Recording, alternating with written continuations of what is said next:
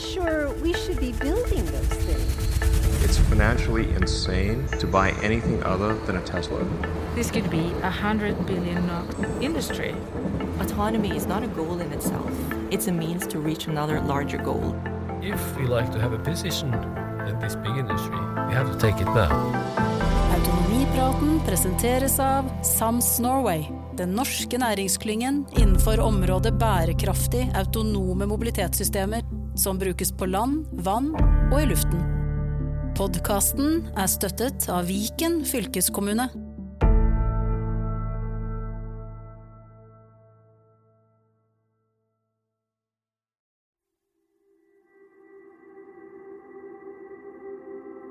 Hei, mitt navn er Eirik Newth, og jeg er astrofysiker og fremtidstenker. Hvorfor jobber vi med autonomi i Norge? Hvorfor kan vi ikke bare la de globale teknogigantene løse problemet for oss? Vi gjorde det da vi bestemte oss for å la utenlandske bilprodusenter løse klimaproblemet for oss. Kan vi ikke også gjøre det her? Det enkle svaret er at vi trenger det. Vi er et lite land med store oppgaver som skal løses, og en eldrebølge i anmarsj. Skal vi f.eks. klimasikre norske bygder, samtidig som hundretusener pensjoneres ut av arbeidslivet, trenger vi også å sette mekaniske hender i arbeid. Og Norge er jo ikke USA eller Kina, verken geografisk eller økonomisk. Vi ser allerede nå at autonome kjøreløsninger som er utviklet for motorveiene i Los Angeles, de sliter i møte med forblåste fjelloverganger om vinteren. Vi trenger norske løsninger for norske forhold her også. Det litt mer kompliserte svaret er at autonomi er som kunstig intelligens og romfart. Det er avansert høyteknologi som strekker skaperevne og kompetanse helt til bristepunktet. Ikke sjelden brister det. Men risikoen for å mislykkes mer enn oppveies av spin-off-effektene. Den kanskje viktigste er at spissteknologi er en magnet for kloke unge hoder. Alle de ledende teknologinasjonene har skjønt det, vil man holde på de beste, må de få utfordringer som matcher ambisjonene og drømmene deres. Ellers drar de til steder der de blir satt mer pris på. Så det holder ikke å formidle at autonomi er viktig. Vi må også få fram at autonomi er spennende, utfordrende, ja, til og med risikabelt. Autonomi er sexy, rett og slett. Hei, jeg heter Torunn Degnes og gleder meg over å ønske velkommen til den andre episoden av vår podkastserie Autonomipraten. I dag eh, vil vi snakke om hvorfor det er viktig og riktig å jobbe med autonomi i Norge. I SAMS jobber vi med autonomi som system på tvers av alle transportformer, men i dag skal vi fokusere på to store næringsområder, nemlig autonomi for maritim næring og autonomi for industrielle operasjoner. Dette er to områder som er eh, svært viktige for norsk verdiskaping, og hvor vi har god industri i dag allerede. Og Derfor så er jeg veldig glad for at vi kan ønske velkommen til eh, dagens to gjester.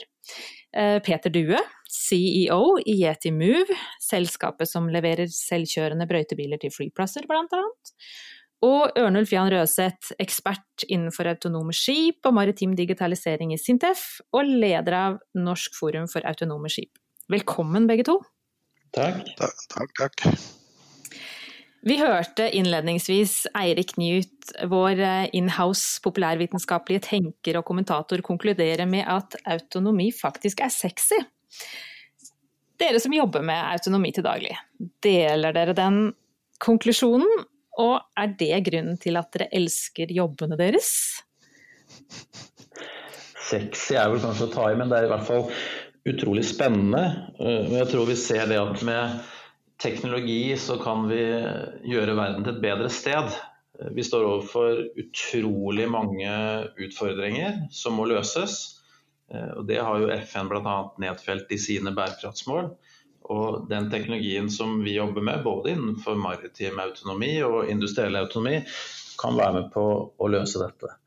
Eh, og hvis vi ser eh, hva norske selskaper gjør, hvis man ser hva man har gjort med Yara Birkeland f.eks., og hva Asko gjør også med sin løsning som de planlegger å sette i drift over Oslofjorden, så er det med på å endre shipping for all framtid.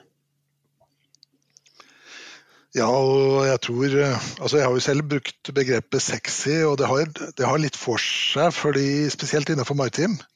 Den er ansett som en innimellom litt gammeldags og ikke nødvendigvis helt eh, grønn eh, business. Eh, og det her, spesielt spesielt Yara Birkeland-prosjektet har jo brakt vil jeg si, en helt ny dynamikk inn i forskning på skipssystemer.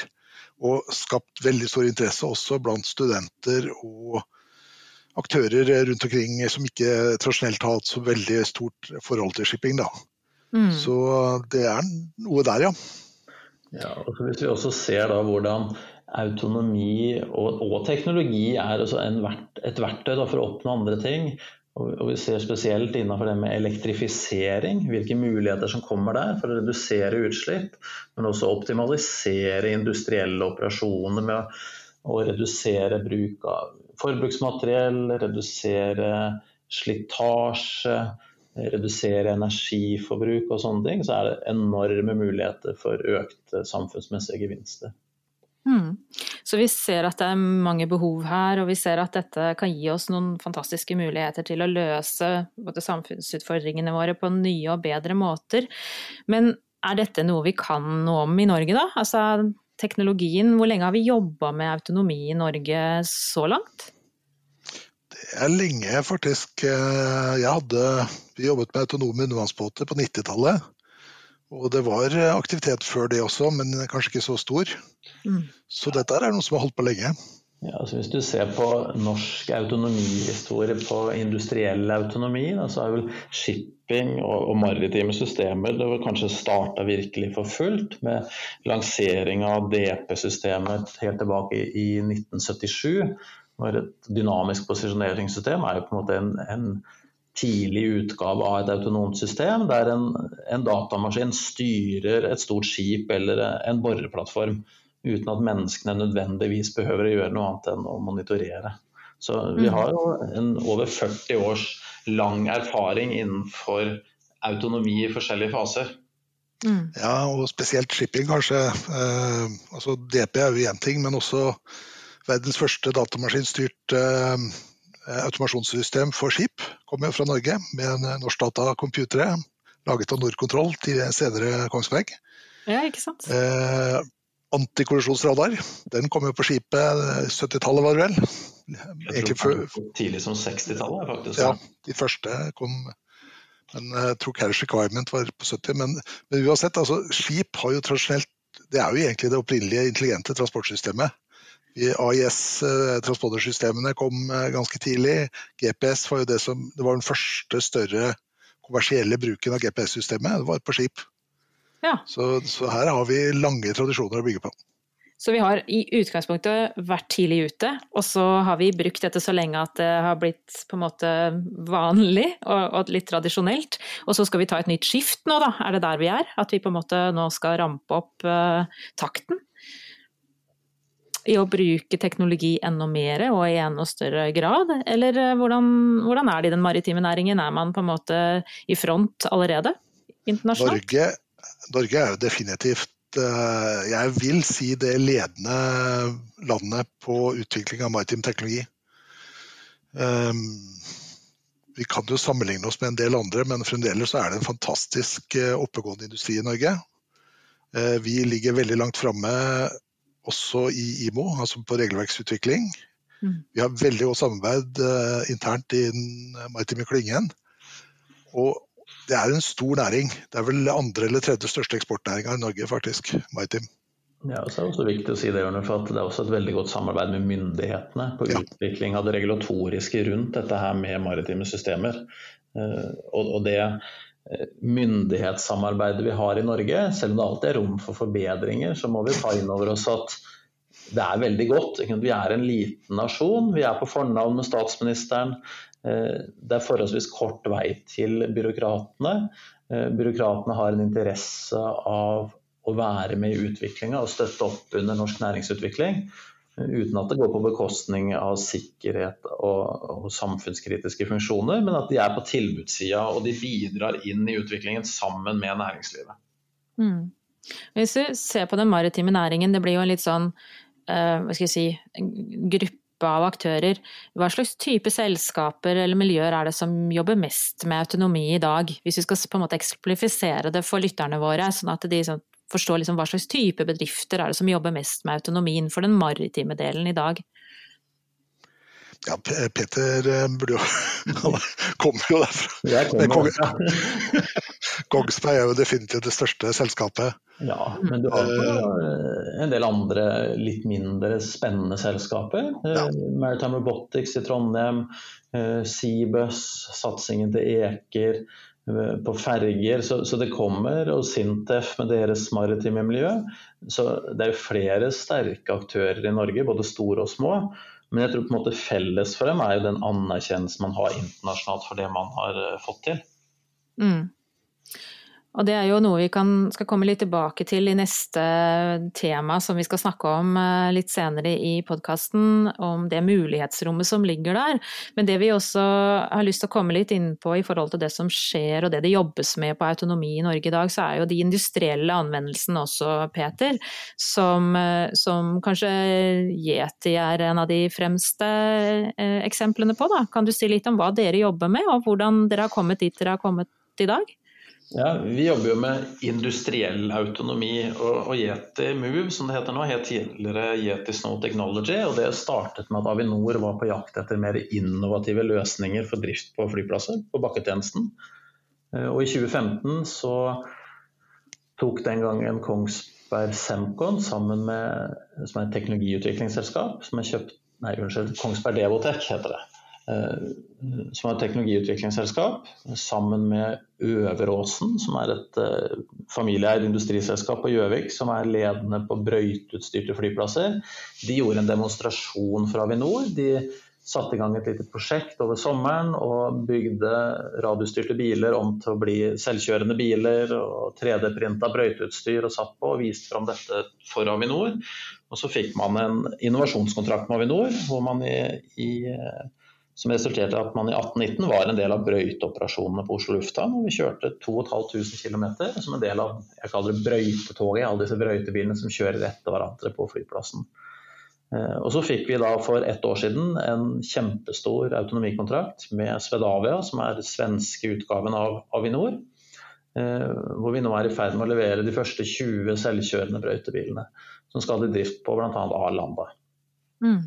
Eh, det er jo kjempe ja, det er kjempespennende. Eh, og, og, og, som et resultat av det, så har vi også sett at det vi gjør, det kan appliseres i andre forretningsvertikaler og andre anvendingsområder. Så vi fokuserer på autonomi i, i kontrollerte områder. altså Vi kaller det på innsida av gjerdet, eh, hvor det er mindre X-faktor enn du har ute på offentlig vei. Man har ingen unger som sparker fotball, ingen bikkjer, ingen eldre alle som er på innsiden, de har akkreditering, de har opplæring. Så det kan typisk være en lufthavn, en maritim havn, en jernbaneterminal, en industripark, et veianlegg osv. Der fokuserer vi nå på vår virksomhet.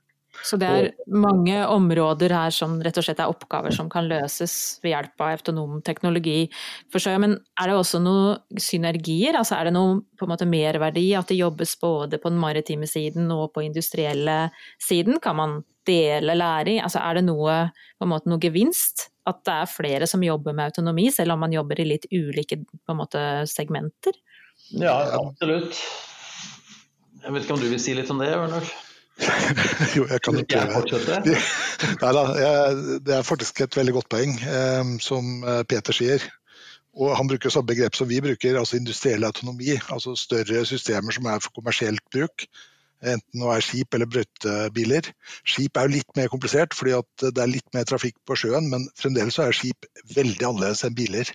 Så mm. på mange måter så er dette her med autonome skip og autonome ja, landbaserte industrielle systemer ganske likt. Og du får veldig like utfordringer i um, godkjenning og beskrivelse av systemer og sånne ting. Så, så, vidt vi kan se. da. Så jeg tror det er mm. mye synergier der. Ja, det er det. Og så er det innenfor industriell autonomi, da, akkurat som på et skip, så er det mange oppgaver som skal håndteres. Du skal ikke bare seile fra A til B, du skal kontrollere automasjonssystemene, lasting og losting, ballast. Eh, alle sånne ting skal du ha kontroll på. Det er litt det samme i industriell autonomi. Hvis vi ser der ute da, i verden, det vi blir eksponert for i media med Waymo sine selvkjørende biler, Uber som forsker på sine ting osv. Ute på veien, og de fleste som vi er eksponert for når vi leser media og ser på TV, eh, så er det fokus på bilen som kjører fra A til B. Og Det er en besnærende tanke i framtida å kunne sitte i baksetet på vei til hytta med eh, en kald øl eller et glass hvitvin og se på Netflix istedenfor å kjøre. Men det er lenge til vi kommer dit. Når vi fokuserer på autonomi hos oss, så er kjøretøy bare en del av oppgaven. Kjøretøy er mer enn en verktøybærer. Så hvis vi ser på disse brøytebilene som vi nå leverer, så kontrollerer vi brøyteskjæret foran på bilen. Eh, trykk ned mot bakken og vinkel. Vi kontrollerer rotasjonshastighet på børsten som er bak førerhuset, som børster rullebanen rein. Eh, både vinkel og trykk og rotasjonshastighet har vi kontroll på der. Vi har kontroll på blåseaggregatet som blåser bort det som eventuelt ligger igjen etter børsten. Og så legger vi ut kjemikalier eh, fra en sånn kjemikaliespreder helt bakerst på kjøretøyet som legger ut de-icing-væske. Og Der er det viktig å ikke legge for mye, for det er ikke bra for naturen. Eh, mm. Og så er det svindyrt. Så det er viktig å ikke kaste bort penger. Og samtidig må vi legge akkurat nok sånn at det ikke blir farlig for fly å lande. Og I tillegg så orkestrerer vi samhandling mellom flere kjøretøy samtidig. Opptil 20 kjøretøy holder vi på med nå. Så det blir som en slags ballett der ute på rullebanen, hvor vi også kontrollerer avstanden mellom kjøretøyene, overlapp mellom dem, sånn at de får rydda det de skal osv. Det her er jo kjempeinteressant, og det sier jo at det her er jo mye mer sammensatt enn akkurat å på en måte bare lage en selvkjørende bil. Altså det er et helt system. Mm. Det er et oppdragshåndteringssystem i mangt og mye det vi holder på med, mer enn å kjøre en bil fra A til B. Men hvis vi ser på samhandling mellom den landbaserte autonomien og den vannbaserte autonomien, så har vi jo noen krysningspunkter i havn. Så det å få ja. gode systemer som tar hånd om lastoverføring, godsoverføring da, fra sjø over til vei og bane og sisteleddsdistribusjon, der har vi kjempemuligheter. Eh, for det er en kjensgjerning det at hver gang man har et modalt skifte, så øker kosten. Så skal man skippe mm. en container fra Shanghai til Kongsberg, hvor jeg sitter, så er den dyreste delen det er jo omlasting av containeren i Oslo havn og transporten opp til Kongsberg. Ja, ikke sant. Og, og, det skyldes jo veldig stor grad manuell håndtering eh, og høye timekoster, iallfall i vår del av verden. Så hvis vi kan automatisere eller gjøre det autonomt, denne omlasting i havner, så kan vi ta tilbake en del av det vi hadde i nærskipstrafikken tidligere, og revitalisere den, og også de indre vannveiene i Europa f.eks. Mm. Det, det, der er jo også et uh, interessant poeng. Um, fordi vi hadde jo en eh, ganske stor konferanse forrige uke sammen med kommisjonen i Brussel. Og et av de temaene som eh, kom fram der, det her dreide seg om sjø, sjøautonomi, det er jo akkurat det som Peter sier. Altså, mm. Hvis vi ikke får til omlastingen og integrasjonen med, med resten av transportsystemet, så, så, er det vanskelig å få til autonome skip. Ja. Så det der er et veldig viktig poeng. Spennende. Jeg eh, tenker at det er ganske åpenbart gode grunner til at vi både jobber med autonomi i Norge i dag. Vi har mye kunnskap, vi har mye, eh, næringsakt mange næringsaktører som, som, er godt posisjonert. Og vi skal ta oss litt inn i da det neste perspektivet som vi, som vi ønsker å snakke med dere om, og det går jo på behovet. Altså, altså hvilke muligheter er det vi har for å bygge ny næringsutvikling eh, og eksporten opplæring rundt dette feltet. Men det skal vi eh, snakke litt mer om uh, det neste, under det neste temaet. Uh, men før det så skal vi få et lite utdrag fra en film. Vi skal høre litt om noen stemmer som kommenterer på dette spesifikt, så vi er straks tilbake. The combination of autonomy and zero emission will make this an industrial growth for Norway. We believe that in 2030, this could be a 100 billion NOK industry. Over time, we need a much broader set of exporting industries, and the autonomy space fits really well into that. It builds on Norway's strengths, and we are already well positioned. You can design new transportation systems that are delivering better service than today if you adopt autonomy. The digital shift and sustainable growth require cooperation between businesses and across industries. SAMS Norway is a business cluster focusing on development of systems for sustainable autonomous transport solutions used on land, air and sea. With that collaborative spirit we have, with all the different actors required to meet new solutions, we have all the potential to be at the forefront and contribute into the futures of tomorrow. Ja, nå er vi tilbake, og vi har med oss eh, Peter Due og Ørnulf Rødseth. Og dere, vi har snakka litt om eh, hvorfor vi jobber med autonomi i Norge. Men, eh, og det er det jo da åpenbart gode grunner til. Men er det et marked der ute, da? Er det noen som kommer til å etterspørre disse løsningene fra norske selskaper? Hva tenker dere om det? Vi kan jo, Det er jo interessant å se på covid-situasjonen. Nå har vi funnet ut at mennesker trenger jo egentlig ikke reise, men varer trenger vi fremdeles. Så akkurat det å holde skipstrafikken i gang, det er fremdeles like viktig. Og det er 90% av verdens transport som foregår på skip. Det er helt vitalt. Så det der blir ikke borte med det første. Nei. Og så er det jo sånn da, vet du, at uh, disse nye bærekraftsmålene som kommer, de skaper enorme problemer for skips, skipsfarten hvis du skal dekarbonisere. De store skipene brenner en 80 tonn fuel om dagen. Og det å erstatte det der med hydrogen eller et eller annet det er ikke trivielt. Så, så vi har en kjempeutfordring innenfor maritim sektor. Den må fortsette sånn som det er, i hvert fall innenfor vårt økonomiske system. Så der er det et kjempemarked, rett og slett. Og I hvilken grad er autonomi viktig da? Eh, kunne vi ikke bare på en måte gått over til nullutslippsløsninger? Eh, det er også et veldig interessant tema. Vi kunne snakka en hel dag om det. Eh, igjen, Hvis du går tilbake til konferansen vi hadde i forrige uke, så, så, ble det nevnt, og det tror jeg er ganske riktig, shipping er rundt 200 år gammel business. Rederne er opptatt av å seile skipene sine fra AtB, og som Peter også var inne på, det er ikke der kostnadene ligger. Men rederne er opptatt av å minimalisere kostnaden for skipstransporten. Mens det vi nå må begynne å se på, det er å få ned energiforbruket i hele transportkjeden. Og Da trenger vi automatisering både av skipene og av håndteringer på land, pluss også landbasert transport. Og På mange måter så tror jeg kanskje vi godt kan se på en ja, revolusjon eller disruptiv endring innenfor shipping, tror jeg. da. Og ja. Det skaper et enormt marked for, for, norsk næringsliv og norske aktører. Man skal ikke, kan... glemme, ikke, glemme, at norsk rederinæring er også veldig stor. Ja, ikke sant. Og, så her har vi faktisk en mulighet til å, å gjøre ganske stor endring som påvirker verden rundt oss. Ikke bare det, men vi er som jeg sa tidligere, vi er ledende på teknologi. Vi er veldig flinke til å, å sette i gang teknologi. Vi har samarbeidet med myndighetene, med alle aktørene i næringen. Så vi, vi har en enestående sjanse til å, til å ta det store loddet, i hvert fall innenfor det der eh, segmentet der. Mm, det høres jo kjempeinteressant ut. Og så vet vi jo det at uh, vi er gode også forskere, og vi er gode teknologer og innovatører. Uh, og så er det av og til det stilles litt spørsmålstegn om vi klarer å skape business eller butikk av dette her. Uh, Peter, dere ser jo ut til å få det til allerede nå. Hvordan ser du på den muligheten til, til videre eksport for norske næringer innenfor autonomi? Vi ser jo spesielt innenfor shipping og industriell autonomi at vi har, har mange muligheter. Eh, man, hvis man ser på generelle operasjoner i dag, så er hvis man ser på maskiner, hvis man ser på en hjullaster f.eks.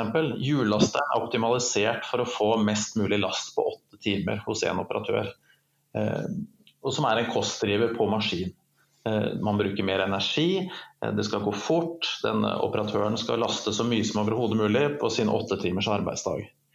Hvis du kan evaluere hele operasjonen din og se om du kan gjøre dette her på 24 timer isteden f.eks., så kan du right-size eller downsize. Du kan kjøre mindre maskiner. Du kan kjøre dem elektriske, du kan kjøre dem på en jevn hastighet hele døgnet. Du har ingen piker, det bare går jevnt og trutt. En kjempe-enabler for elektrifisering f.eks. Så eh, automatisering, høy grad av automatisering og, og en lav grad av autonomi implementere det i prosessindustrien f.eks. Hvis du ser på ja, tilbake til hjullaster, så holder vi på med et prosjekt hvor vi I dag så kjører en hjullaster 24 timer i døgnet. Den opereres et kvarter i timen. Ikke sånn veldig effektivt. og Det eneste en hjullasteren gjør, den kjører fram og tilbake innendørs og heller noe fra skuffa oppi en trakt. Og Da har vi gått inn og sett på energiforbruket på den eksisterende hjullasteren de har. Så har vi sett på å optimalisere prosessen ved bruk av autonomi. Og da reduserer vi fem skiftposter i løpet av uken. Og vi reduserer energiforbruket fra ca. halvannen million i året med bruk av en konvensjonell maskin til 200 000 i året ved å gå opp til en elektrisk maskin. Og reduserer også utslippene med 400 tonn CO2 ca. per år. Hvis de er veldig er, den løsningen. Ja, ikke sant? Men er, dette, er, det et marked der allerede? Altså Er det sånn at det etterspørres, eller er det sånn at dette markedet også må utvikles? Det er litt begge deler. Altså når, når jeg var så heldig og fikk lov å jobbe med autonomi i maritim sektor, og var med å bygge opp autonomiprogram til Kongsberg Maritim, så var det liksom i den spede begynnelse at industrien og aktørene begynte å få litt fokus på dette med bærekraft. For en del år siden, hvis du kom draende med FNs bærekraftsmål, så fikk du nesten døra i ansiktet når du kom og banka på. I dag så har alle bedrifter, store og små, har høyt fokus på mer bærekraftige operasjoner. Og bærekraft er ikke bare økonomi, det er også arbeidsforhold, og det er miljø og økonomi sammen. Og, og det er et høyt fokus på dekarbonisering. Og hvis vi ser den driven som er, som Ørnulf også nevnte, rundt dette her med alternative energikilder som er klimanøytrale, så blå, grønn hydrogen, ammoniakk osv., så, videre, så er det langt framme i de aller, aller fleste bedrifters planer når det gjelder framtida. Og, ja. og så og, jeg også opplevd det at mange bedrifter de stiller høyere krav til egen operasjon enn det myndighetene gjør. For de ser det at kundens kunde i framtida vil anse disse produktene som irrelevante hvis ikke de som produsent har ansvar nå. Mm. Det er også en av driverne der ute. Og jeg tror også Litt av trikset er jo det å sørge for at du har et hjemmemarked hvor du kan teste ut dette. her. Og, og Der også er jo Norge veldig godt posisjonert i og med at vi har veldig høye lønninger. Og som Peter også er innpå, vi, vi snakker jo ikke primært om å erstatte folk, det er jo ikke det som er greia. Men det er det å få f.eks. kontinuerlig drift i 24 timer, sånn at vi kan få ned laster og piker og sånne ting. La gjøre ting på andre måter. og Det kan godt tenkes at vi trenger folk i kontrollrom og vedlikehold og whatever. Men, men, det er liksom det å gjøre ting bedre, mer energieffektivt, ikke minst. Og, og lage nye modeller altså for hvordan sånn business skal gjøre. Og, og, det der er noe som Norge passer veldig godt for eh, med våre forhold. Da. Og ikke minst, jeg mener, starte med støvplugger er jo genialt. Ja, og så er det, og så er det jo sånn at når det gjelder autonomi, så betyr jo ikke det at alt er førerløst eller operatørløst. Det er ofte litt det å jobbe på andre måter. Og Hvis man ser hva Baste Fosen har gjort sammen med Kongsberg på sin Baste 6, så er jo den en full autonom operasjon fra kai til kai mellom Horten og Moss. De har ikke fjerna en eneste mann, men de mener vel i hvert fall det jeg så på nyhetene, at de får mer konsistente operasjoner og mer kvalitet på sin operasjon på tvers av Oslofjorden. Ja, ikke sant. Det jo, uh, mange, så det er mange måte, områder, mange delfunksjoner, mange delsystemer som man kan begynne med uh, på reisen på en måte frem mot uh, mer mer ubemanna og kanskje på et eller annet tidspunkt selvkjørende kjøretøyer, eller, eller far, fartøyer, kan vi vel kanskje si da.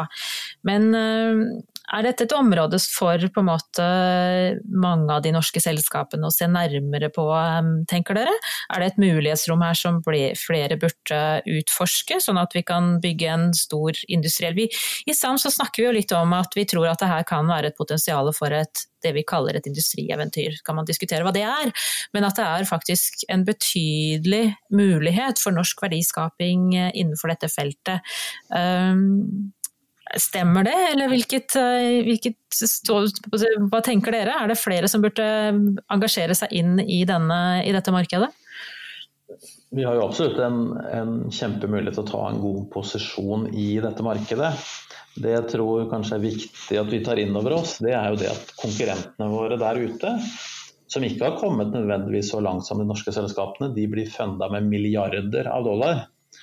Mens veldig ofte i Norge så har vi en veldig tradisjonell og industriell tilnærming til ny teknologi. som gjør at vi sitter i løgndom og utvikler verdens beste løsninger, og så får vi dem ikke ut i markedet. Skal vi henge med i konkurransen der ute, så er det viktig at vi får kapital på bordet som gjør at vi kan være i forkant og ikke alltid havne i bakleksa. For det er den største utfordringen vi har i dag med å utvikle disse systemene i Norge. Vi er kjempeflinke på det vi gjør, men vi greier ikke å fortelle det til noen. Nei. Og der er finansiering en, en, veldig, veldig viktig brikke. Mm. Og jeg, det er jo egentlig sånn, altså Norsk industri har jo alltid vært god på automatisering. Så, så, så, det er jo ikke der det ligger. Og jeg tror også hvis du ser på systemene både til Peter og det som vi jobber med på, på sjøen, så er det egentlig ikke jeg vil påstå at det er ikke så mye teknologidrevet. Det er, det er mer det å skru sammen eksisterende teknologi på en sånn måte at du kan operere disse systemene trygt. Og mm. finne de gode systemløsningene. Ja. Det er jo et system av systemer. og, og Hvis du ser på systemsingenieringskompetansen i Norge, så er den meget meget god. Så vi har alle forutsetninger for å kunne lykkes. sånn sett. Ja. ja. Så det vi må jobbe med er altså å vise oss frem, uh, sørge for at vi får tiltrukket oss nødvendig kapital, uh, og på en måte stepper opp og ut i verden med løsningene våre. Sånn at uh, de som etterspør dem, ser til Norge og ser til de norske selskapene. Er det sånn vi kan se det?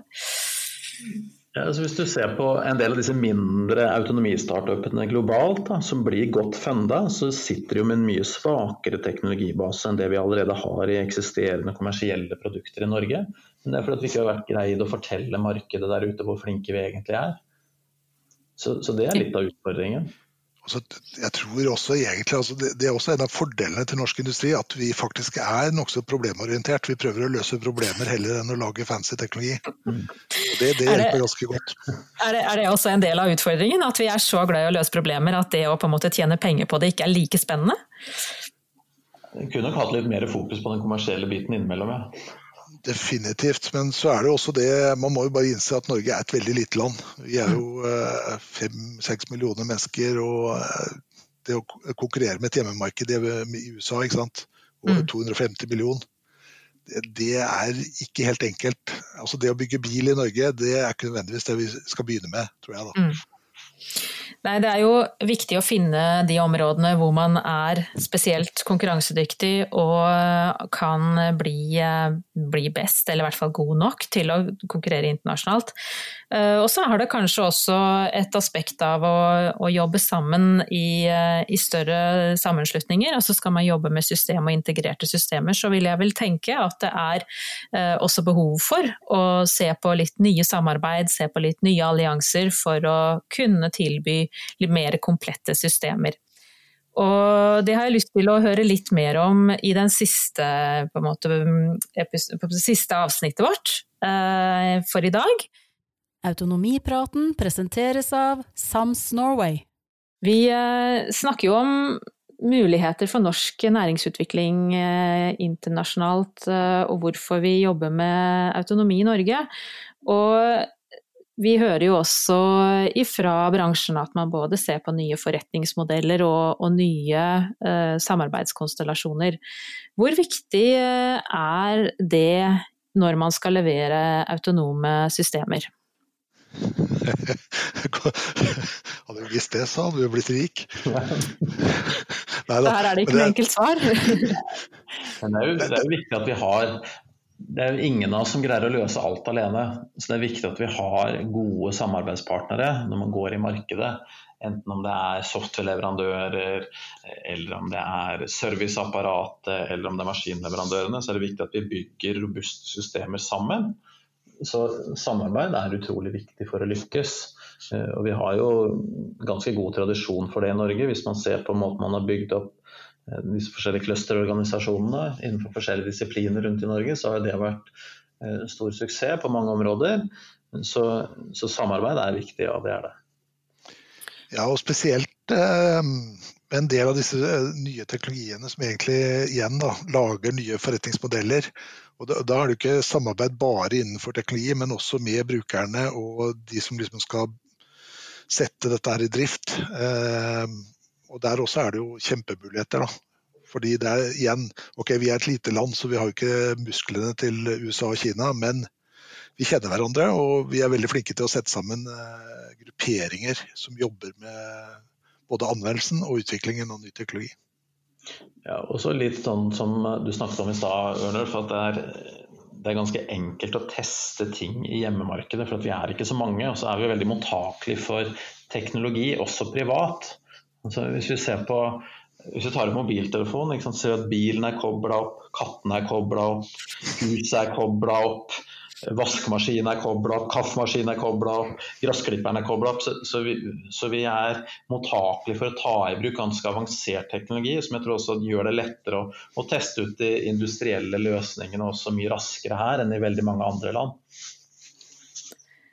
Er det også ja, det sånn at det eh, kommer på en måte, er det behov for nye Dere har vært innom litt sånn lovgivning og regulering, men er det også behov for nye standarder og, og, og nye på en måte reguleringsmekanismer i dette, i dette, markedet? Og er det noe som også krever på en måte et, et, et samarbeide?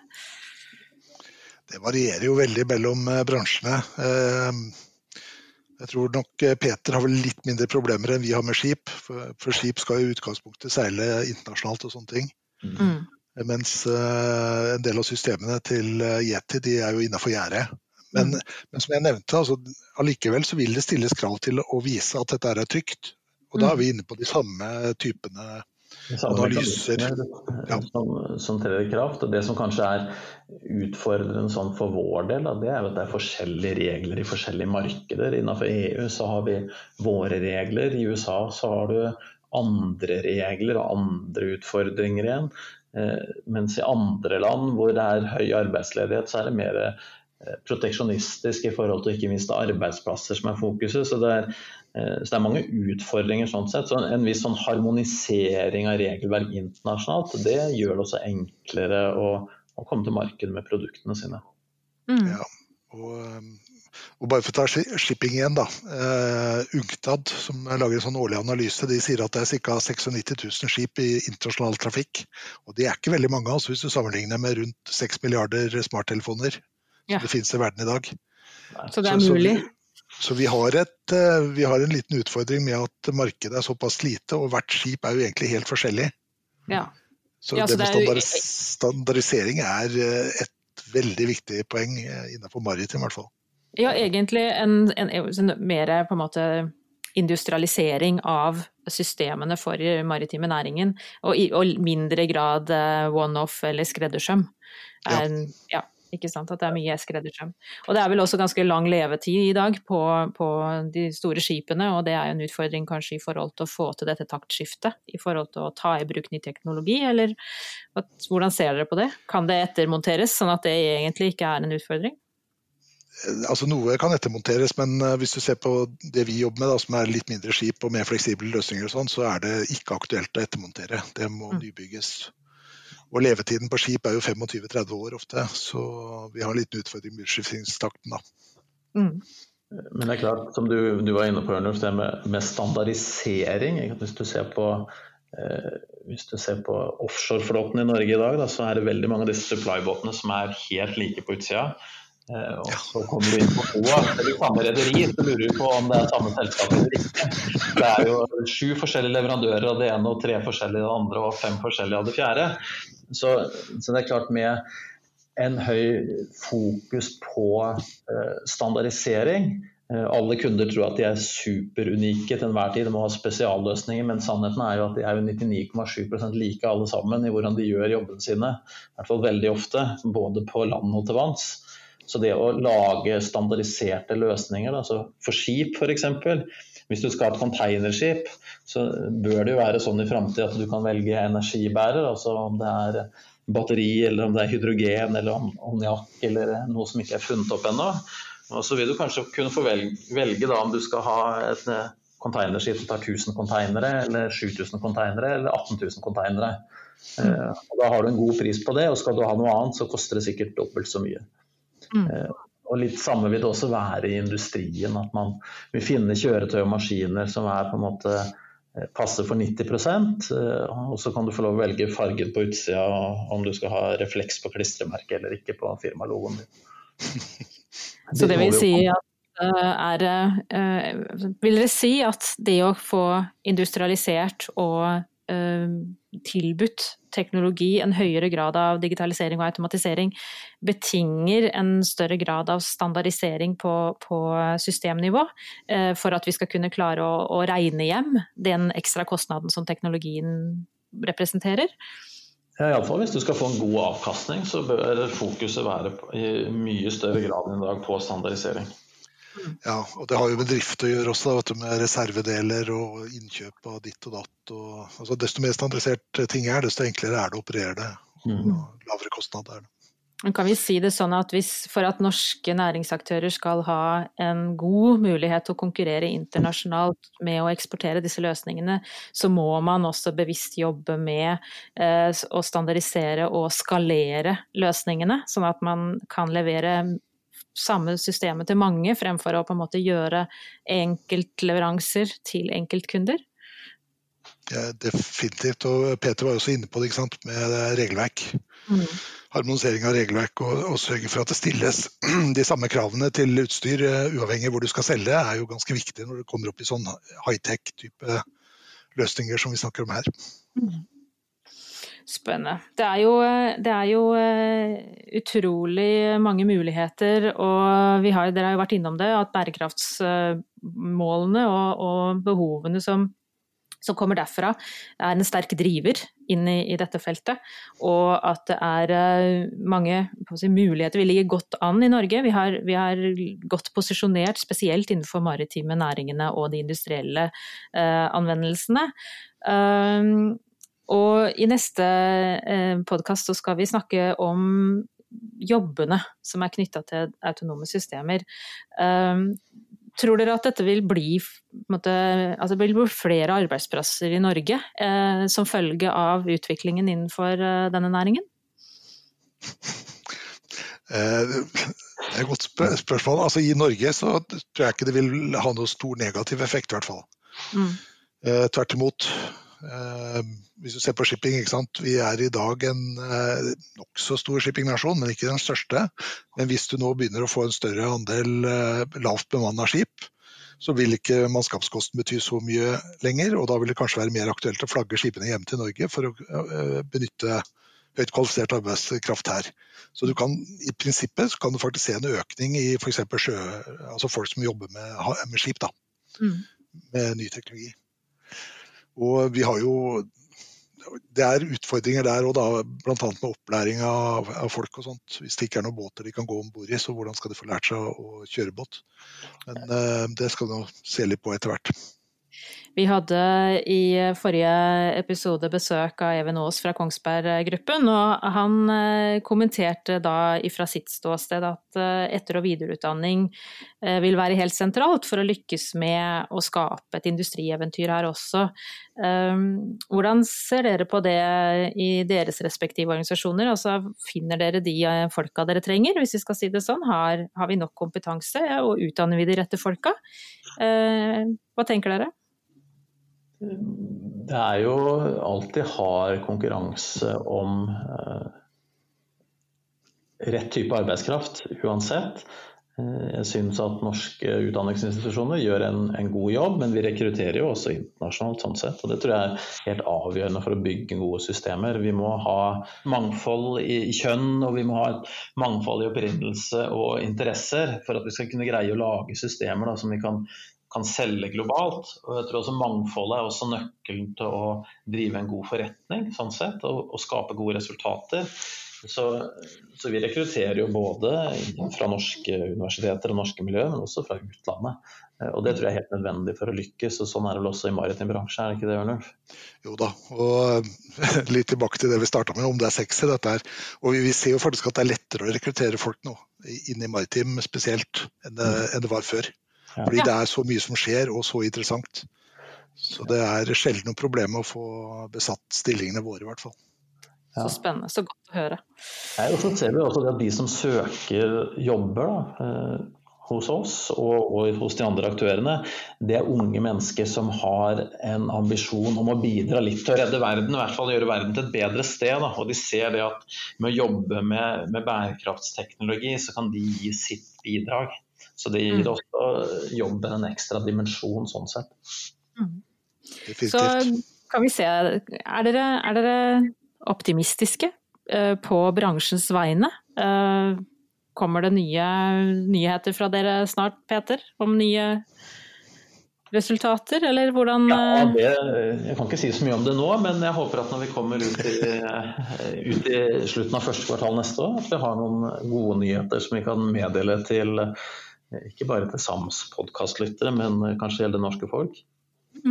Så spennende. Og, og Ørnulf, eh, hvordan ser du det? Er det økende aktivitet og positiv optimisme, eller hvordan opplever du det i, i maritime næringen? Altså, Maritim er eh, ganske konservativ, og investeringene er jo store. Skal du bygge en ny båt, så, så det går litt sent nå. Men det vi merker er at det er en økende interesse. Ja. Asko-prosjektet kom jo nå i fjor. Mm. Og vi vet om flere prosjekter som foregår rundt omkring, da, som vi ikke kan si så mye om eh, foreløpig. Så, så det skjer. Men igjen, da, det vi trenger, det er jo mer eksempler på at dette her virker i praksis, og litt nye aktører inn. Men de også kommer. Og når du sier nye aktører, eh, kan du eksemplifisere? Hva, hvilke type aktører? Nei, altså det, De helt eh, konkrete eksemplene er jo Asko, som nå har laget Asko Maritime. Som før bare kjørte biler. Så, så, og, Det er jo et veldig godt eksempel sant, på at en aktør med et transportproblem finner ut at denne type løsning faktisk passer inn i det totalsystemet. Og så bygger han, eller bestiller han to båter fra India for å seile over Oslofjorden. Og det, er- det er det jeg kaller ny aktør. Godt eksempel. Veldig, og, og det vi sier er at vi trenger flere sånne. Vi trenger de som ser et behov og som sier at her har vi en mulighet til å ta i bruk teknologi på en ny måte for å løse et, eh, et behov. Og så eh, så er vi litt modige, og så går vi foran og, og starter på en måte på reisen sammen med de som kan levere løsningene. Definitivt. Veldig, veldig spennende. Det her er øh, ek- gode eksempler og, og på at vi kan og skal og, og må, vil jeg nesten si, jobbe med autonomi i Norge. Denne teknologien er her, og den kommer til å bli viktigere og viktigere fremover.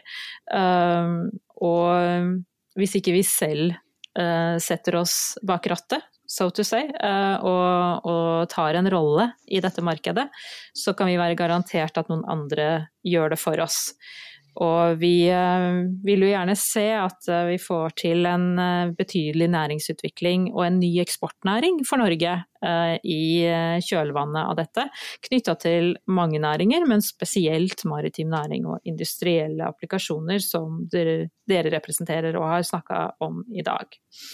Eh, Så helt avslutningsvis da, så har jeg jo lyst til å utfordre dere til å si hva, hvilke temaer er det som dere mener er de aller viktigste at bransjen og vi bør på en måte jobbe med å snakke om fremover?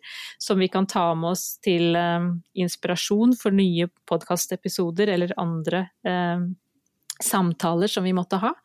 Peter, hva er det du tenker er det aller viktigste å, å sette fokus på? Jeg tenker Det aller, aller viktigste eh, for vår del, det er jo dette med regelverksutvikling, tror jeg. At man får Det gjøres mye allerede, men at man har høyt fokus på det. Og også sørge for å utnytte den fagkompetansen man har i byråkratiet. For det finnes utrolig mange flotte mennesker som har mye kunnskap. La de også slippe til i dette arbeidet her, sammen med næringen og med akademia. Nei, Jeg er jo til dels enig, og vi ser akkurat det samme problemet innenfor maritim. At både kan si, metoden for utvikling av nye autonome skip eller skipsløsninger da, og godkjenningsprosessen det, det må strømlinjeformes betydelig mer enn eh, det vi har i dag. Både nasjonalt og også ikke minst internasjonalt. Hvis Ja. dette skal bli et stort marked. Ja, og så, må man gjøre regelverket teknologinøytralt. Eh, Litt sånn tilbake til i den tidlige fasen vi jobbet med, med Yara Birkeland, så var det jo en diskusjon over flere dager hvorvidt det skulle være redningsflåter på en ubemanna Ja. båt eller ikke. Det var et stort tema en periode. Så, så, det er pga. at regelverket ikke er klart. ikke sant? Så, så når man utvikler nytt regelverk, så bør det på en måte være litt teknologinøytralt. Jeg syns det er et godt eksempel også på at uh, vi må snu hodene våre. Vi må uh, tilpasse regelverket, selvfølgelig. Men også i det å, forstå hvordan de nye systemene kan og, bør designes, så vil det jo også åpne seg nye muligheter for norske selskaper, og internasjonale selskaper selvfølgelig, til å skape løsninger som er tilpassa. Redningsflåtene kanskje ikke har den utbredelse fremover som den har hatt til nå. Uh, kanskje er det andre delsystemer, sikkerhetssystemer Eh, styringssystemer, eh, verktøy som skal brukes på disse systemene, som, som er nye eh, produkt- og tjenestemuligheter for, for, for næringslivet. Det her kommer vi til å, å, bore videre i og snakke mye mer om. Jeg tror vi skal si at det var det vi rakk for i dag. Det var veldig hyggelig å ha dere med, Peter og Ørnulf. Dere er dere sitter på en måte med skoa på og jobber til daglig med denne teknologien som vi sier er sexy. Dette er spennende, dette er nytt, og det er også litt skummelt. Og det gjør at det pirrer litt ekstra. Ehm, vi takker til lytterne som har vært med oss på denne praten. Og så vil jeg eh, si at eh, det er ingen tvil om at uh, autonome teknologier er viktig og riktig at vi jobber med i Norge, og det må vi jobbe mer med. Og det er mange som har muligheten til å være med på dette eventyret. Og det aller viktigste er jo at vi ønsker å, å, bidra til at det skapes nye lønnsomme bedrifter og nye arbeidsplasser i Norge fremover. Også de kommende episodene vil berøre flere spennende perspektiver knytta til autonome systemer. Så vil jeg si, uh, husk å abonnere på podkasten i iTunes og Spotify, og ikke glem å følge oss på sosiale medier, Facebook og LinkedIn.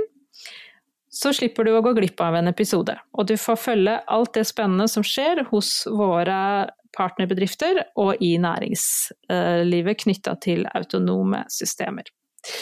Vi høres, og takk for i dag. Takk for at du lyttet til Autonomipraten. Du kan også følge oss på sams-norway.no. Sams Norway er støttet av Innovasjon Norge, Viken, Vestfold og Telemark fylkeskommuner.